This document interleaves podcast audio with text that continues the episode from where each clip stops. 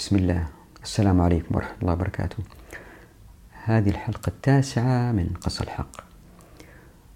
في الفيديوهات السابقة حاولت أوضح العلاقة الشديدة بين المنظومات الحقوقية وإيجاد الحضارات المختلفة. وآخر فيديوهين كانوا عن القذف بالحق والقذف بالغيب. الحلقة هذه واللي تليها ويمكن الثالثة كمان يعني التاسعة والعاشرة ويمكن الأحد عشر عن فصل قصور العقل. الله سبحانه وتعالى قال في آخر سورة الأنبياء أعوذ بالله من الشيطان الرجيم قال رب احكم بالحق وربنا الرحمن المستعان على ما تصفون. يعني وكأنه الآية لما وآيات أخرى كثيرة نأتي عليها. تأمرنا بالحكم بالحق أنه الحق شيء والعقل شيء آخر لأنه في العالم الغربي بيحكموا بالعقل. أقصد العقل البشري. يعني وكأنه في بينهم تضاد أحيانا. هل هذا صحيح؟ هذا هو موضوع فصل قصور العقل. لكن قبل ما أستمر في توضيح بسيط حبيت أبينه جاني فيديو من زميل لحركة السيارات بطريقة فوضوية في أحد الدول. خلينا نشوف الفيديو.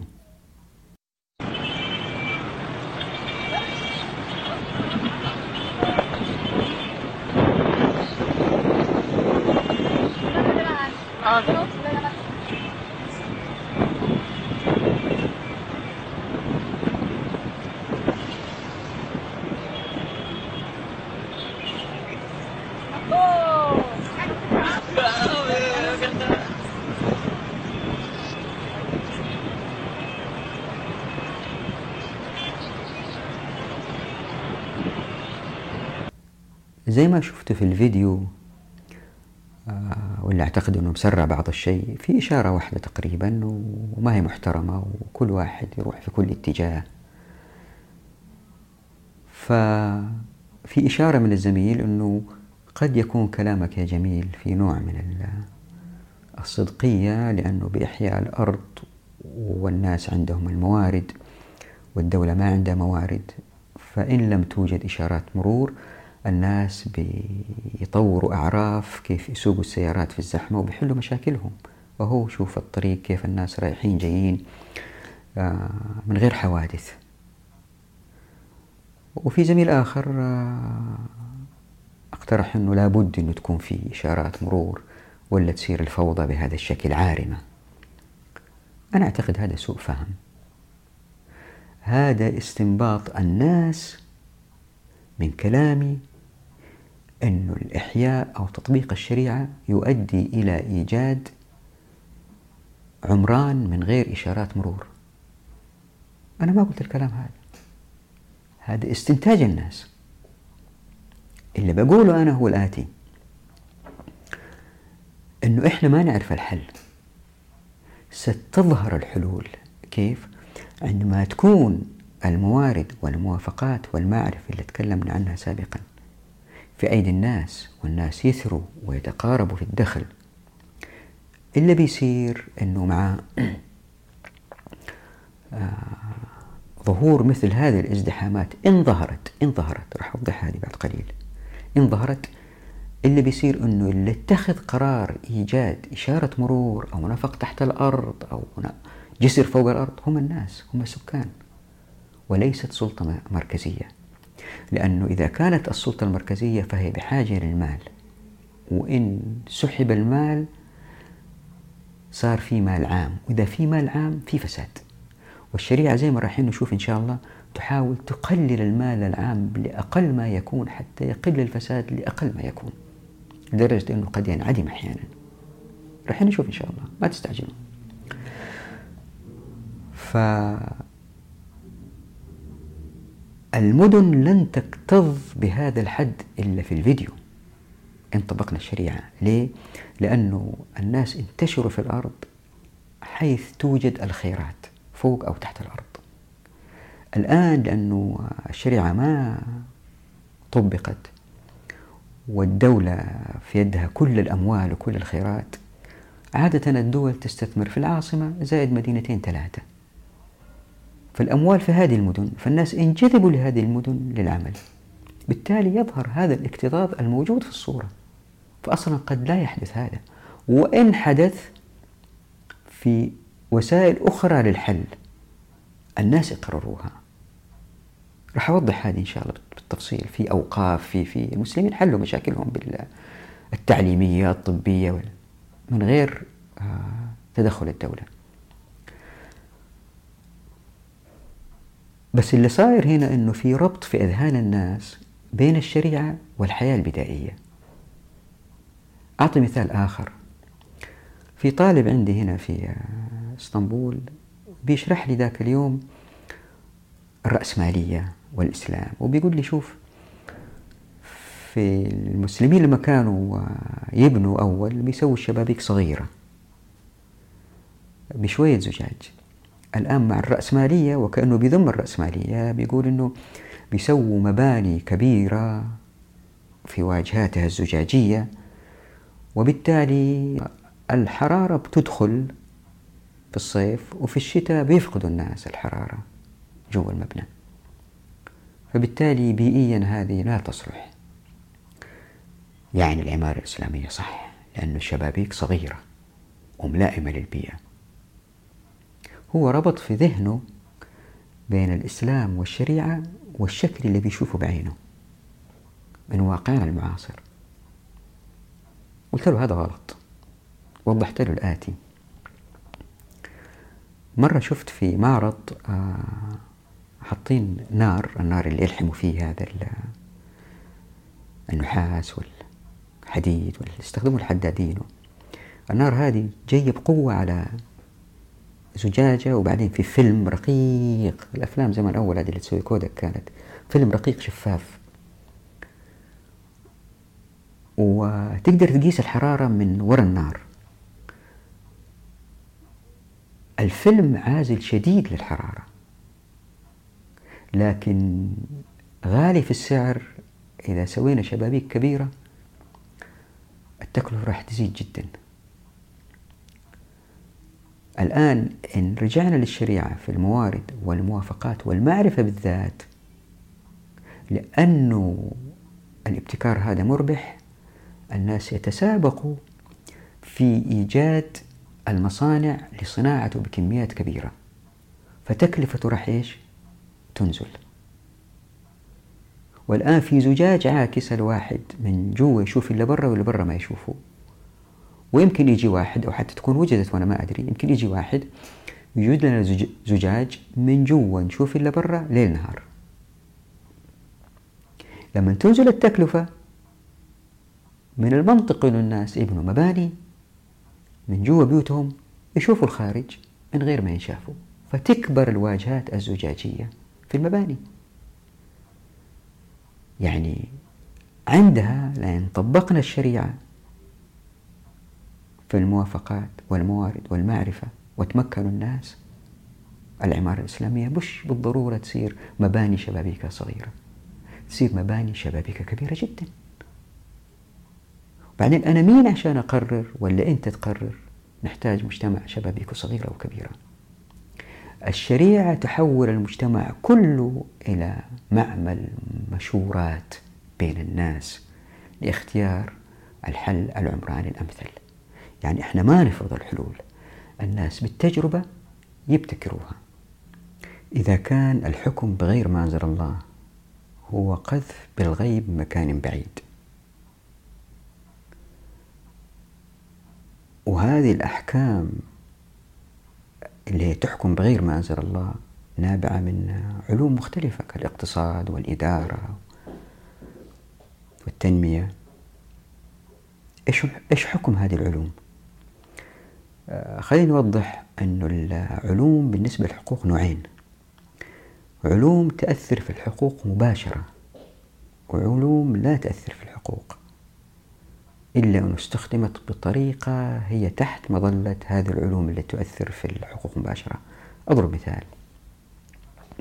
إذا وجدوا مثلا من الدراسات البيئية أنه والتنموية أنه يستحب بناء سد في مكان ما وبيحتاج أموال لبناء هذا السد. ويصدروا سندات بفوائد ربوية لجمع المال لبناء هذا السد. هنا طبعا بالعقل بيقولوا إنه والله هذا منطق جدا إنه نحتاج التنمية في هذا المكان. وفي فوائد اقتصادية كبيرة متوقعة. لكن الحكم كان بغير ما أنزل الله لأنه في فوائد ربوية داخلة في الموضوع طب إيش الحل؟ اللي بقوله أنا أنه هذه العلوم بتسوي إشكاليتين لأنها تركز على العقل وفي تطبيقها يحيدوا الشريعة اللي بيصير تظهر إشكاليتين. وفي إشكاليات أخرى نأتي عليها بس الآن ركز على الإشكاليتين. أنه المال بيتجمع عند الدولة ويصير في مال عام بالتالي يصير فساد. قضية أخرى إزالة مشاركة الناس في اتخاذ القرار حتى تظهر المدنية التي هي تمثل الناس. وناس أصحاء متمكنين وليسوا ناس أذلاء فقراء. خلينا نركز الآن على الموضوع الثاني ألا وهو آه، مشاركة الناس أو الشورى. وأمر شورى بينهم. خلينا ناخذ حق التعلي كمثال. حق التعلي هو أنه هل يسمح للإنسان يعلي عقاره أكثر من دور أو دورين أو ثلاثة أو كذا أو ما مدى الحد الذي يستطيع أن يصعد به بعقاره فيه إلى خمسين دور مية دور. وقديش يقدر يحفر تحت الأرض ويملك تحت الأرض. فملكية الطبقات هذه اختلفوا فيها الفقهاء ورجعوا إذا تتذكروا لقاعدتي الحاجة والسيطرة اللي تكلمنا فيها في فيديوهات سابقة. رجعوا لها عشان يحددوا يجوز للإنسان يمتلك أو لا يمتلك حيز في الهواء. مثلا واحد بنى عمارة سكنية من أربع أدوار وباع كل دور لشخص وبعدين طاحت العمارة. وقعت بسبب زلزال أو اللي يكون. مالك الشقة في الدور الرابع الآن هو كان ساكن في حيز فوق. معلق الآن ما هو موجود. هل له الحق أنه يجبر الناس يبنوا العمارة عشان هو يبني دوره؟ هل له الحق أنه يمتلك المكان اللي فوق الرابع؟ هل لأي إنسان أنه يبيع آه، فوق أرضه كمكان للبناء؟ في خلافات بين الفقهاء في هذا الموضوع وكلها خلافات راقية وحلوة اللي قرأها. تنتهي بأنه اللي اتخذ القرارات في النهاية هم السكان في الموقع وليس المسؤولين. ما بفصلها هنا؟ المستعجل يقرأها هناك في الكتاب. على العموم فإلا تستنتجوا من هذه الحوارات أنه إذا أراد شخص أن يعلي بيته من دورين إلى ثلاثة أو أربعة يأخذ موافقة السكان والجيران بحيث أنه ما يضرهم. بناء على حديث الرسول صلى الله عليه وسلم لا ضرر ولا ضرار. الآن تأخذ موافقة السلطات. يعني مين اللي حكم أنه يجوز لك تعلي دورك أو مبناك دور أو دورين؟ مين اللي حكم؟ الآن هي السلطات. في الشريعة هم السكان. لأنك ما يمكن ترشي السكان إذا كان تبغى تعلي 60 70 دور الآن تأخذ موافقة السلطات ويسمحوا لك وشايفين عماير. وسط مدن في أحياء منخفضة دورين ثلاثة أدوار تطلع عمارة 10 20 دور. أخذ موافقة استثنائية من الدولة. ويكشف كل المنازل اللي تحته ويسبب ضرر شديد بسبب الزجاج الكبير هذا مثلا اللي يعكس على السكان وضرر كثيرة. في البيت التقليدي هذا لن يحدث. آسف أحيانا أقول البيئة التقليدية أقصد البيئة الإسلامية. تعودنا في علم العمران نقول بيئة تقليدية. فاعذروني في هذا الموضوع. فإن طبقنا الشريعة هذا لن يقع كضرر. ليه؟ لأن السكان يمنع الشخص إلا إذا أراد التعلي طيب هو يبغى يعلي يقول لهم طيب آه هو في, في الأصل يبدأ يعلي. يظهر الضرر الضرر يقولوا له أزيل الضرر أقطع الضرر. فيفكر في طرق تقنية لإزالة الضرر. ويعرف من البداية هو قبل ما يستثمر ويعلي مبناه إلى ثلاثة أربع أدوار يعرف كويس أنه يمكن السكان يوقفوا له. فيحاول يوجد حل ما يمكن السكان من الاحتجاج عليه من باب الضرر. وبكده يتقدم المجتمع في إيجاد حلول لحل إشكالية التعلي. مثلا يقولوا له والله أنت الآن راح تزيد عدد السيارات في في الشارع لأنك لم إذا عليت من دورين إلى خمسة بتزيد الشقق وبالتالي يزيد السكان بالتالي تزيد عدد السيارات في الشارع. يمكن يكون الحل بوضع موقف تحت المبنى.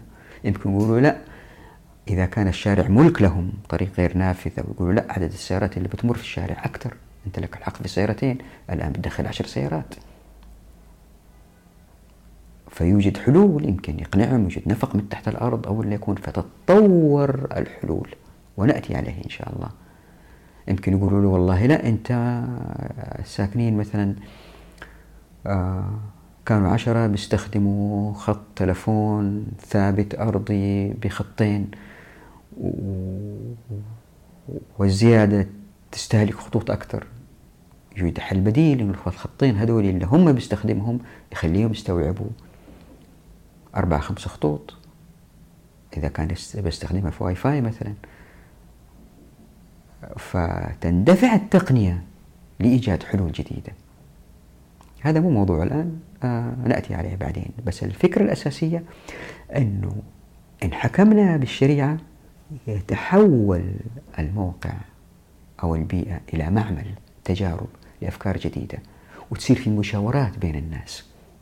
الآن ما في مشاورات قطعت. الآن في سلطة مركزية تسمح لك أو ما تسمح لك. يعني في عندنا حكم بغير ما أنزل الله وحكم بما أنزل الله. لهم تأثيرين مختلفين شديدين في البيئة. الموضوع فقهيا نظروه الفقهاء من حيث عقيدة.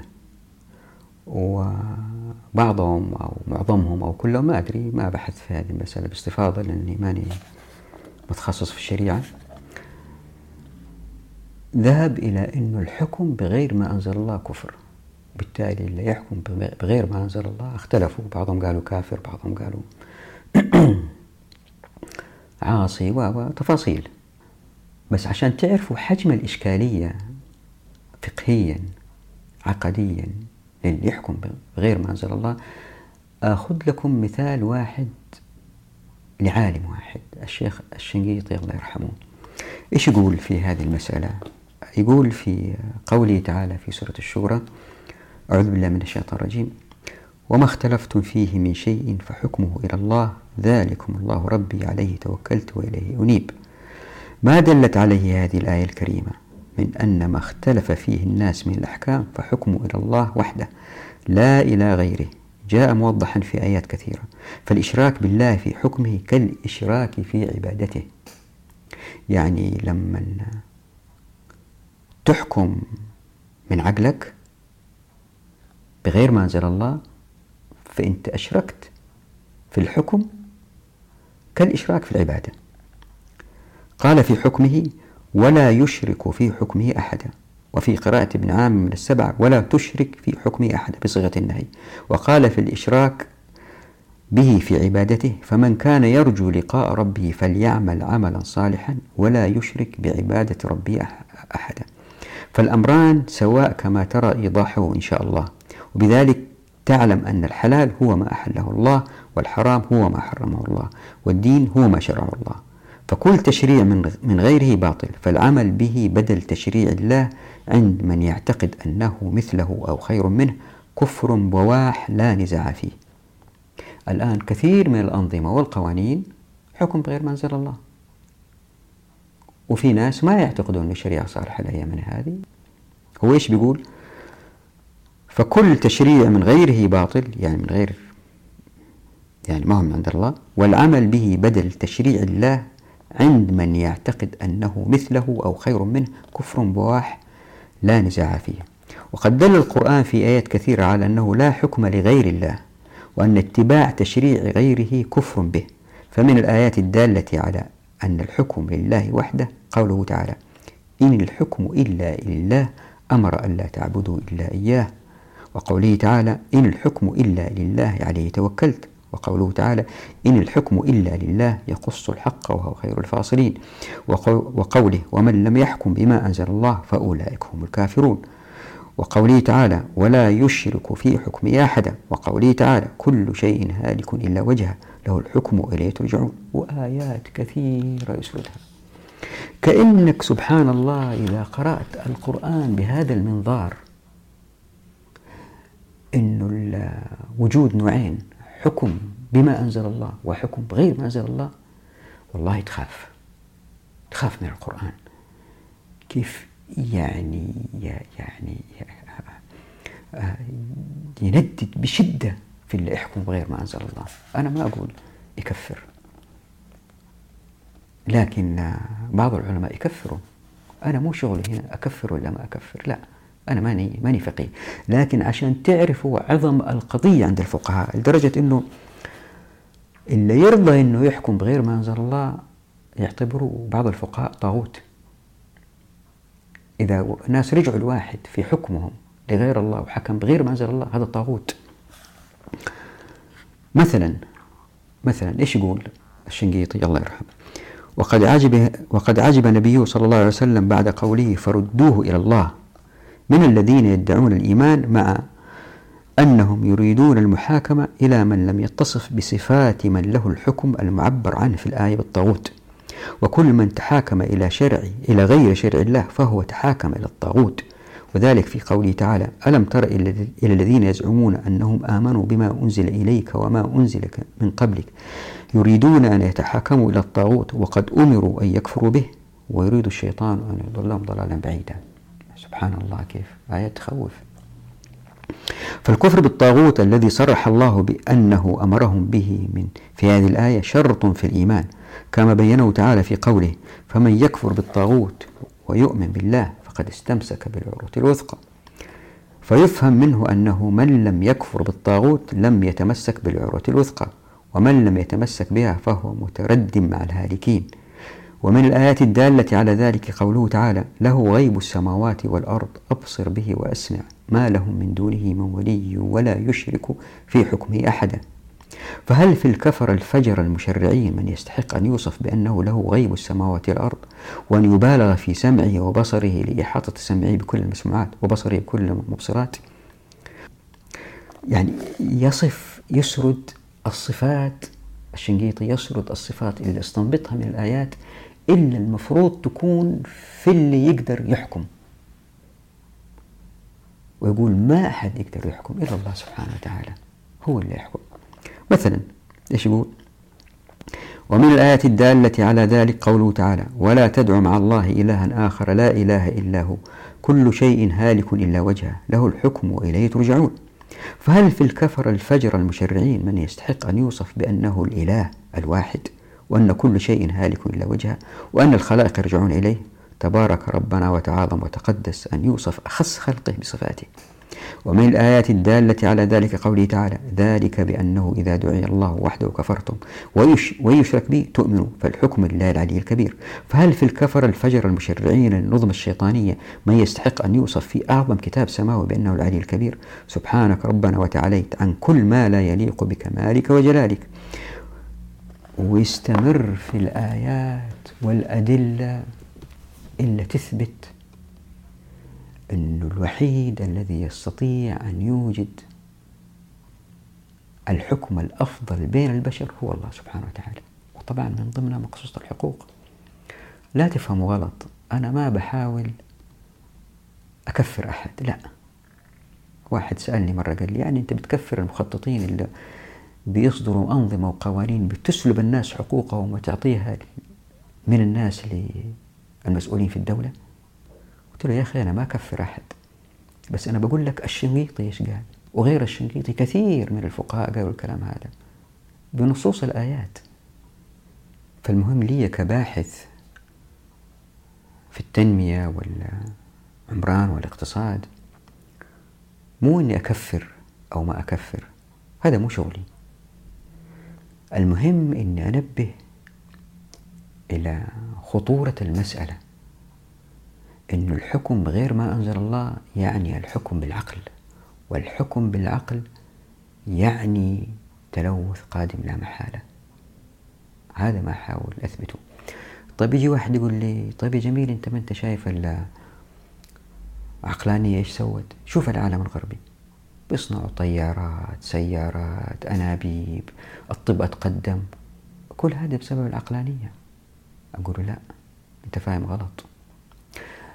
صحيح زي ما هو معروف أنه العقلانية في العصور الوسطى كانت من خلال الكنيسة ومقيدة عقول الناس والمساهمات مثل لكانت فولتير روسو الفلاسفة دول حاولوا يحرروا العقل وكانت صاغ فلسفة الحداثة والتنوير وصحيح جت الثورة الفرنسية والثورة الصناعية في إنجلترا ومن خلال الديمقراطية الشعب حكم نفسه. هذا كله صحيح. لكن حكم مين؟ هنا تظهر إشكاليتين. الأولى أنه لما بيحكموا بالديمقراطية الناس بيحكموا لأنفسهم. الجيل هذا العايش مش الأجيال القادمة. الأجيال القادمة ما هي موجودة عشان تمثل نفسها في البرلمانات. بالتالي مصالحها ما هي محمية. الإشكالية الثانية أنه لما بنحكم بالعقول بنحكم بعقول تبحث عن مصالحها. في التصويت وفي القرارات. مثلا إنشاء خط الأنابيب هذا من ألاسكا إلى أمريكا. موضوع في جدل كبير بين الديمقراطيين والجمهوريين. هل هو يلوث؟ ما يلوث؟ نتحمل ما يتحمل؟ ما وصل النتيجة؟ اللي يحكم هو اللي يقرر؟ هذه النتيجة. مش العقلانية؟ لأن العقلانية تنقلب تصير أهواء. آه هنا في واحد اسمه مايكل فوكو ثار على العقلانية. وجد أن العقلانية هي عقلانية أهواء من بيدهم السلطة. فالحرية الفكرية تكبلت بالأغلال والتناقضات اللي أوجدها الواقع الملموس. هي ما هي حرية هي كلها قيود. ما عندك فلوس ما تقدر تدرس في الجامعة ما عندك شهادة جامعية ما, ما تمسك منصب. حياتنا الحالية صارت مدججة بالأنظمة والقوانين والشهادات والبنوك والشرطة و... فقط فكر إذا حاولت تشتري بيت عن طريق البنك يطلبوا منك ألف وألف معلومة. ويرهنوا بعض أملاكك و و و قيود عجيبة. أوجدتها العقلانية. طبعا هابرماس ناقض ورد عليه وكل هذه التفاصيل ما أبغى أدخل فيها موجودة في كتاب قص الحق. فياريت ترجعوا لها لأنه أنا أعطي بس ملخصات سريعة. وأعطيت في الكتاب مثالين كيف العقلانية تنقلب تصير أهواء. فأعطيت مثال التلوث البيئي.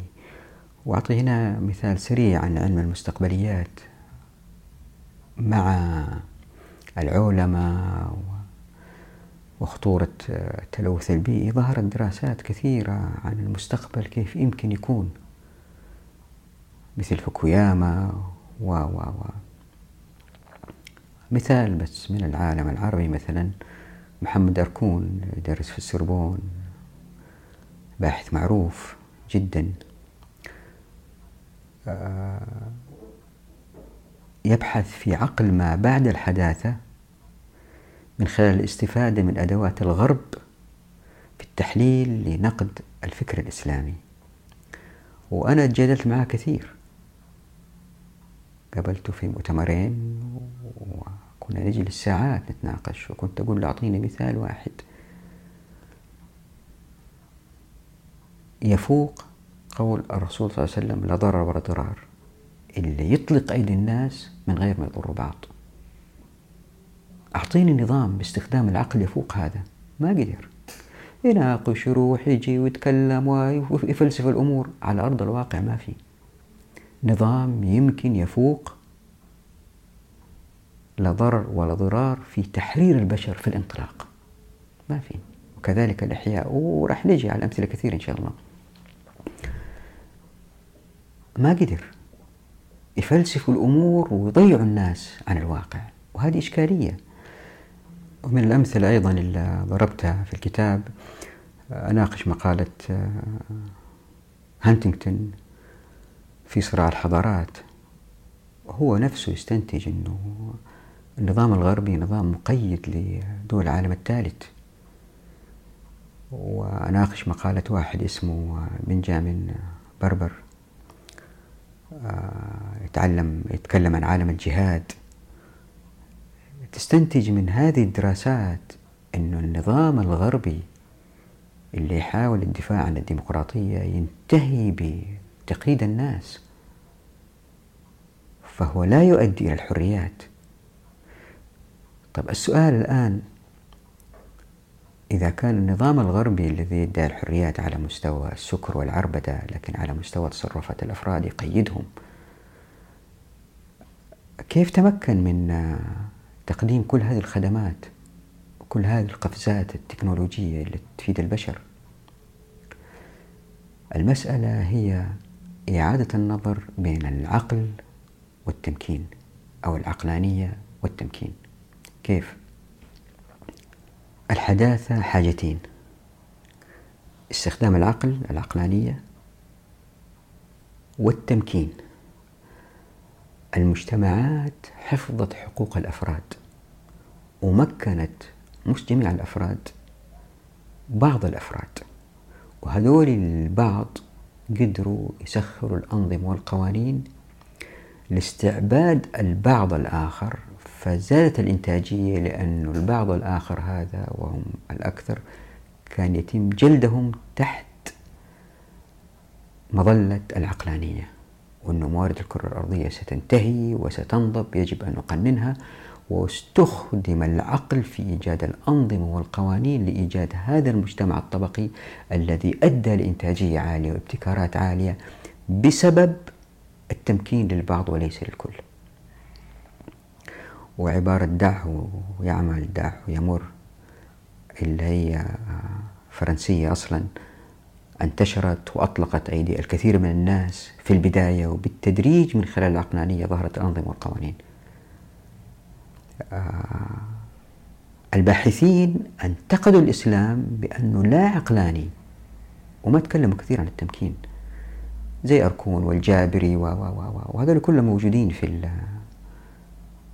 في الكتاب تفصيل آرائهم إلى حد ما ووضح أيضا في الكتاب أسباب التخلف أو نظريات التخلف اللي وضعوها المسلمين وغير المسلمين في حق المسلمين يعني نظريات لماذا تخلف المسلمين. نظريات كثيرة أقواها هي التي تقدح في العقل الإسلامي في نخاعه وبتقول أنه عقل تقليدي وليس عقل مجدد مثل كتابات محمد أركون اللي تحدث عن محنة خلق القرآن الجابري الأنصاري. نظريات تقول أن المشكلة هي في الانقسام الذي حدث في التاريخ الإسلامي بين المسلمين إلى شيعة سنة وهابية نصيرية نظريات تقول لا إنه إحنا ما حكمنا الشريعة في معظم الأحكام وبالذات في الحكم الحكم صار وراثي ما كان وراثي أصلا آه، زي كتابات النفيسي حاكم البطيري. نظريات تنتقد سلوكية الأفراد بأنهم بأننا الشعوب لا تقرأ وأنه لازم نغير قيمنا وتنتشر هذه الأيام دورات عن القيم مثلا وتغيير القيم وكيف العالم الغربي كأفراد ما يسرقوا ما يغشوا يتقيدوا بالمواعيد قيمهم هي المفروض تكون هي القيم الإسلامية. نظريات تاريخية تقول أنه خط التجارة وخط الحرير كان يمر من العالم الإسلامي مع اكتشاف رأس الرجاء الصالح تغير طريقة التجارة. نظريات تقول أنه والله العلم كان يتقدم عند المسلمين لأنهم كانوا يحاولوا يحددوا القبلة فعلم الفلك سحب معاه عندما تقدم علم الفيزياء والرياضيات وبالتالي تسحبت كل العلوم. لما عرفوا اتجاه القبلة توقفوا. نظريات تتحدث عن مثلا اللغة العامية إنها لغة مفصولة بالناس عن الواقع الرسمي اللي يتحدث اللغة الفصحى فالتجارب الموجودة بين الناس وحاجاتهم لحل مشاكلهم ما انتقلت للجهات الرسمية. ونظريات كثيرة كثيرة جدا جدا جدا جدا سردتها كلها. في كتاب قص الحق يا ريت ترجعوا لها وتقرأوها كل هذه النظريات وضعت المسلم في حيرة. كيف المخرج؟ اللي بقوله أنا أنه عدم تطبيق الشريعة بالتدريج أوجد آفات. وإحنا بنشوف هذه الآفات وبالتالي نحكم على تخلف المسلمين من خلال هذه الآفات. ما بنرى الجذور. والجذور, والجذور هي مقصوصة الحقوق التي لم تطبق. خليني أضرب مثال. مرض الإيدز انتشر بسبب سوء تصرف بعض الأفراد. هل نقدر نجي نقول للإسلام أعطيني علاج لمرضى الإيدز؟ الاسلام ما جاب مرضى الايدز ولا تسبب فيه. الاختلال السلوكي أدى لظهور هذا المرض. أعطي مثال عمراني ونأتي على أمثلة اقتصادية كثيرة هي موضوع الكتاب بس لأنه المثال العمراني ملموس. مع حصول الدول على الأموال وتركز الأموال في المدن وازدحام المدن بعض الشوارع ضاقت. على السيارات. فكانت في حاجة لفتوى لجواز نزع الملكية. شرعا لا يجوز انتزاع ملكية فرد إلا برضاه ما تقدر الدولة تيجي تاخذ أرض واحد أو عقار واحد وتهده عشان توسع توسع الشارع. هذا ما هو موجود. وسيأتي تفصيلا إن شاء الله. بس الآن وافقوني أنه شرعا لا يجوز نزع الملكية إلا برضا المالك.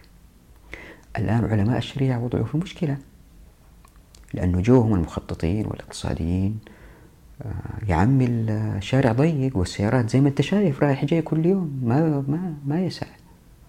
لابد من استصدار فتوى لنزع الملكية وهذا اللي صار.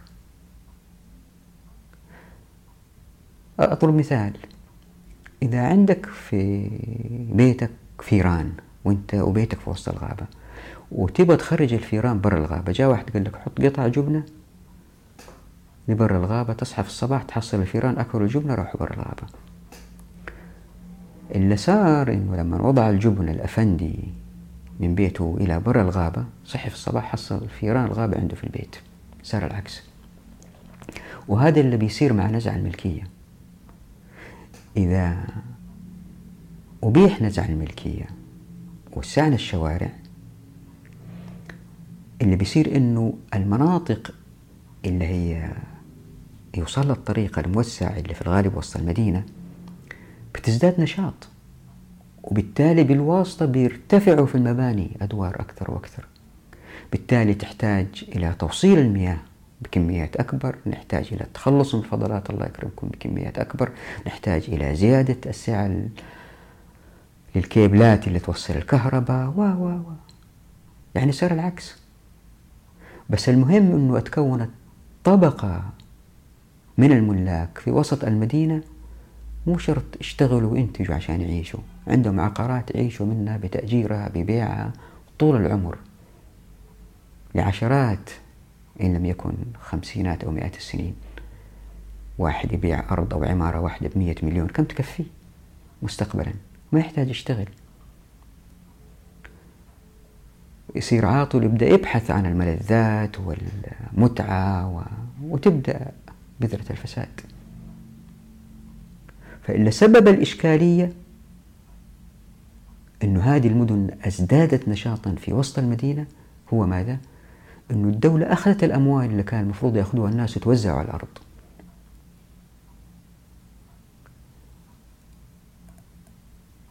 يعني اللي صار الآن بدال ما نطبق الشريعة ونخرج الشارع وتظهر مناطق اقتصادية جديدة والمنطقة الموجودة هذه تعمل لكفاءتها حسب عرض الشارع خالفنا الشريعة وأوجدنا مشكلة أنه الشارع صار ضيق ونريد حلها بتغيير الشريعة. هذه الإشكالية. ما ننسى هذا المثال دائما راح أضربه مثال مرض الإيدز. كثير من النظريات اللي بتتكلم عن تخلف المسلمين بتنظر لمرض الإيدز وليس الأساس كيف؟ عشان نفهم كيف لازم نفهم دور العقل في الإسلام دور العقل في القرآن والسنة. هنا في ملحوظة لأني كنت أنتقد العقل وكتاب قص الحق عنوانه قص الحق. العقل وحتمية الفساد وأنه إذا استخدمنا العقل سنفسد. لا محال أنا مو قصدي استخدام العقل في كل المجالات أنا قصدي استخدام العقل مع النصوص والنصوص التي تمس علوم التنمية والإدارة والاقتصاد والعمران. بس هذا هو مجالي ما أستطيع التحدث في مجالات أخرى. وجدت بالأبحاث أنه في هذه المجالات النصوص التي تتعامل معها أتت مكتملة وأي محاولة اجتهاد فيها بإعمال العقل يؤدي إلى تقييد الناس. زي ما شفنا في مثال نزع الملكية. مثال ثاني مثلا من قاعدة من حديث الرسول صلى الله عليه وسلم لا ضرر ولا ضرار. استنتجوا قاعدة قالوا الدفع أولى من الرفع يعني إذا الناس يبغوا يعلوا مبانيهم أكثر من ثلاثة أدوار قد تظهر مشاكل مستقبلية في زيادة الأحمال على الكهرباء والماء وكذا. إذا قبل أن يقع هذا الضرر آه، آه، ندفعه. نوخره قبل ما يقع نزيله وبالتالي وضعوا أنظمة وقوانين آه، في البلديات وهذا أدى إلى إزالة المشورة بين الناس وأدى إلى تحول السيطرة من أيدي السكان إلى واحد ساكن برا وأدى إلى زيادة الكثافة السكانية ومشاكل كثيرة. من الأمثلة القوية عدم تقسيم سواد العراق الغنائم تقسم حسب آية الغنائم لكن لم تقسم وبالتالي أزداد المال في بيت المال. والعمل العسكري بعد ما كان عبادة بدأ يصير وظيفة. أيام الرسول صلى الله عليه وسلم وأبو بكر وعمر آه، في العصور الأولى كانوا الناس يخرجوا للجهاد كعبادة. ما في جندي عنده شغلة اسمها وظيفة ياخذ مرتب من الدولة اسمها جندي زي ما صار في الدولة الأموية. هذه أتت بسبب آه، إعمال العقل في النصوص في آية الغنائم. سنأتي عليه هذا موضوع جدا مهم. سنأتي عليه بالتفصيل. فالإشكالية هي في العقل. لذلك حطيت العقل وحتمية الفساد كعنوان ثاني لقص الحق. الإنسان كل ما فكر في دور العقل المشكلة أنه يستخدم عقله في الخروج من هذه الإشكالية لفهم الإشكالية. طيب إيش العمل؟ والله أعلم يعني لو جدت من البحث أنه كما الإسلام وضع لكل شيء محظورات ومباحات زي اليد زي النظر زي نفس الشيء العقل العقل أداة كاليد. فوضع للعقل محظورات وضع للعقل مباحات. الشريعة تحثنا في القرآن على إعمال العقل في الظواهر الطبيعية في الكون أفلا يبصرون أفلا يتدبرون أفلا تعقلون كلها بصفة المضارع يعني. شغل عقلك شغل عقلك. نحتاج تشغيل العقل في هذه المسائل. لكن في النصوص الربا ممنوع ونبدأ نلف وندور عشان نحلله لا القليل الكثير لا. هذه هي المشكلة. طيب نرجع للموضوع اللي هو دور العقل في الحضارات. الآن كل حضارة تظهر بفعل تراكم قرارات الأفراد إنشاء مطار فتح شارع بناء بيت رفع نسبة الفائدة تخفيض نسبة الفائدة الدولة تقترض من البنوك أموال تطبع سندات كلها قرارات. تراكم هذه القرارات يؤدي إلى إيجاد الحضارات. طبعا القرارات هذه فيها قرارات سهلة بسيطة الناس يتخذوها. إيش أبغى أتغدى اليوم؟ إيش أبغى ألبس؟ إيش؟ أنا ما أتحدث عن هذه القرارات. في قرارات مصيرية للأفراد اللي هي والله أبغى أدخل ولدي المدرسة. دخلوا أي مدرسة خاصة ولا حكومية مدرسة تدرسوا باللغة الإنجليزية ولا اللغة العربية. هذه قرارات مصيرية الإنسان لما يتخذها يشاور الناس ويسأل ويروح ويجي. وهذه ما نتدخل فيها. أنا آه، اهتمامي بالقرارات المصيرية التي تصاغ في صيغة أنظمة وقوانين وبالتالي تؤثر في المسيرة للأمة. مثلا مثلا إذا فكرنا في هذه القرارات نجد أنها يمكن أن توضع في ثلاث ميادين. الأول هو كيفية وصول العقل للقرار. وهذا موضوع آه، نبغى نأجله لفصل المعرفة. آه، روحاني روحانية الإنسان مادياته وكذا وهذه أكثر الغربيين متعمقين فيها. هذه نأجلها. الميدان الثاني اللي هو الظروف التي يظهر فيها القرار. والحركيات التي تؤدي إلى تدافع هذه القرارات. مثلا السكان آه، يتناقشوا بين بعض لتحويل مجموعة أراضي إلى أرض واحدة لبناء فندق. في حركيات تقول لهم هذا مسموح أو هذا آه، ممنوع. فعقلهم يشتغل في إطار هذه الحركيات. وهذا موضوع كتاب قص الحق. هذا الميدان اللي هو الحركيات ظهور القرارات وكيف تتجه شمال أو يمين هذا موضوع كتاب الحق.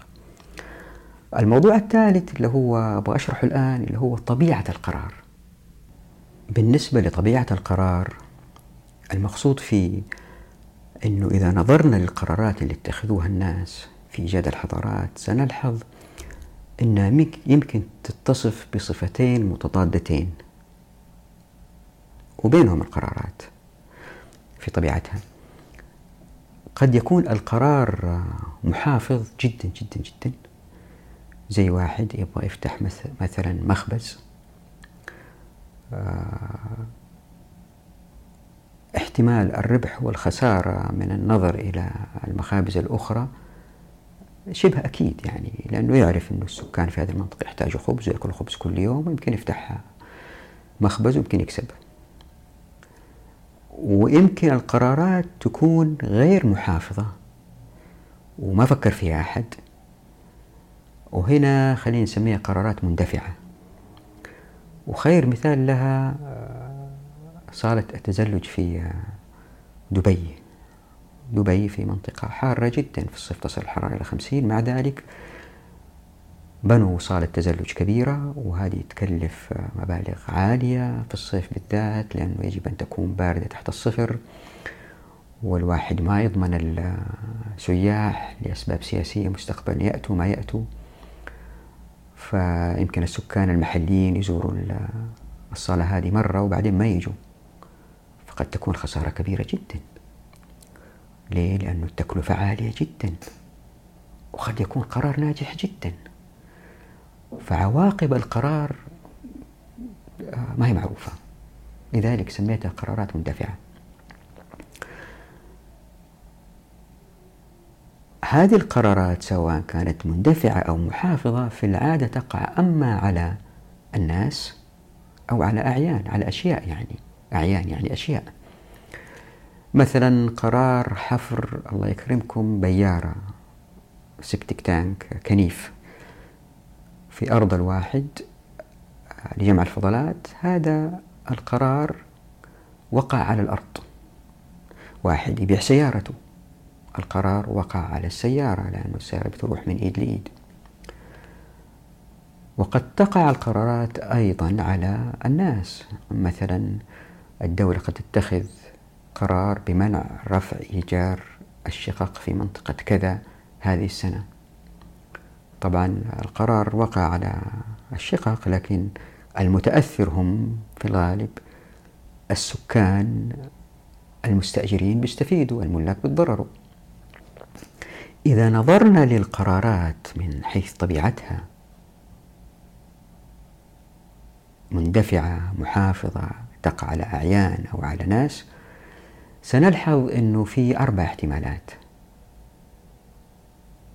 قرار محافظ على عين قرار مندفع على عين قرار محافظ على إنسان قرار مندفع على إنسان. إذا نظرنا للأمم عموما سنلحظ أنه في نكهة معينة تتبناها الأمة من خلال هذه الأربع الاحتمالات لطبيعة القرار. إذا دمجناها مع بعض هذه الأربعة سنلحظ أنه الناتج تكون أمة مندفعة في قراراتها تجاه الإنسان وتجاه العين. وفي أمة تكون محافظة في قراراتها تجاه الإنسان وتجاه العين. وفي أمة تكون محافظة في قراراتها تجاه الإنسان ومندفعة تجاه العين. وفي أمة العكس تكون محافظة في قراراتها تجاه العين ومندفعة تجاه الإنسان. نوضح. يعني الأمة قد تسلك أحد هذه الأربعة طبعا ما في أمة بالضبط هنا أو هنا لا يعني عموما تقع في هذا المسلك أكثر من هذا المسلك. المسلك الأول هو أمة مندفعة في قراراتها تجاه الإنسان والعين. وأفضل مثال كذا العالم الغربي. العالم الغربي لأنه كان مندفع تجاه الإنسان في قراراته آه، أدى إلى تمكين الناس لأنه كان يحاول يغير القرارات ويتحرر من الكنيسة بالديمقراطية إلى تمكين الأفراد ودعمهم وحفظ حقوقهم. لكن في نفس الوقت في اندفاعه هذا كان يغير الحياة الاجتماعية. مثلا بسبب هذا الاندفاع قبلوا بزواج المثليين. طيب إيش يصير في هذا الطفل اللي يتربى بين رجلين أو امرأتين؟ آه، حياتهم مثلا يكتشفوا أن والله الرياضة مهمة. يبدأوا يشتروا أحذية أكثر للجري. مبيعات آه، شركة نايك قفزت قفزة مهولة بعد ما ظهرت الدراسات أظهرت الدراسات أنه الجري مفيد للإنسان. فبالتالي تأثرت حياتهم بأنهم يجروا أكثر في الحدائق و فصارت في نكهة مختلفة. فهم مندفعين يعني بيتغيروا من جيل لجيل.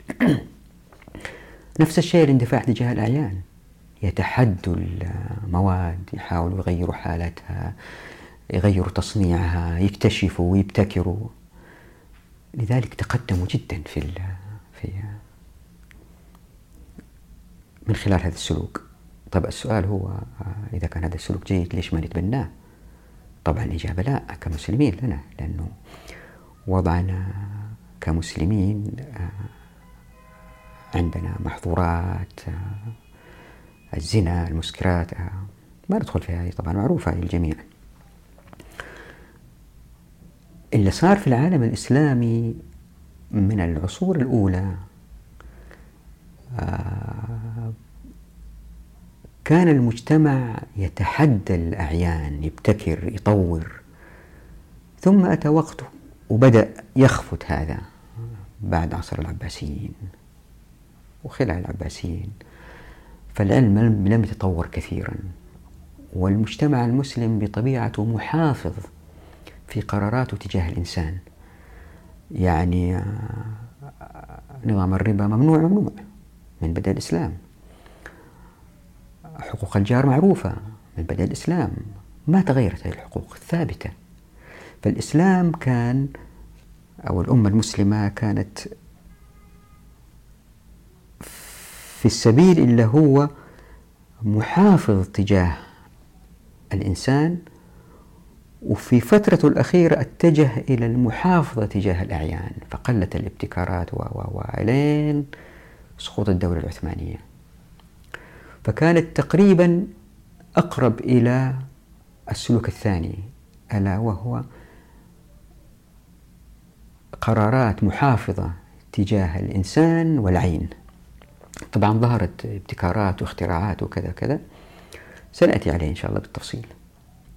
لكن الإسلام شرعا يحث على السلوك الثالث ألا وهو أنه طبيعة القرار تكون محافظة تجاه الإنسان ومندفعة تجاه القرار تجاه الأعيان.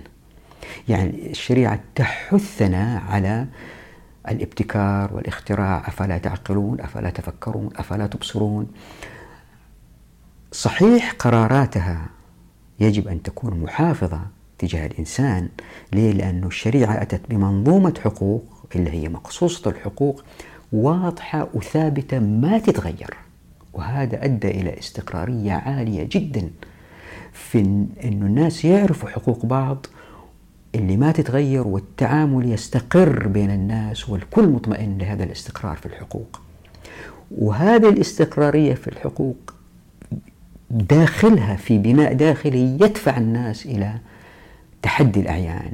مثلا من يهاجر في الأرض يجد مراغما كثيرا وسعات تدفع الناس على الانطلاق في الأرض تدفع الناس على المعرفة الزيادة. نأتي إليها بالتفصيل إن شاء الله.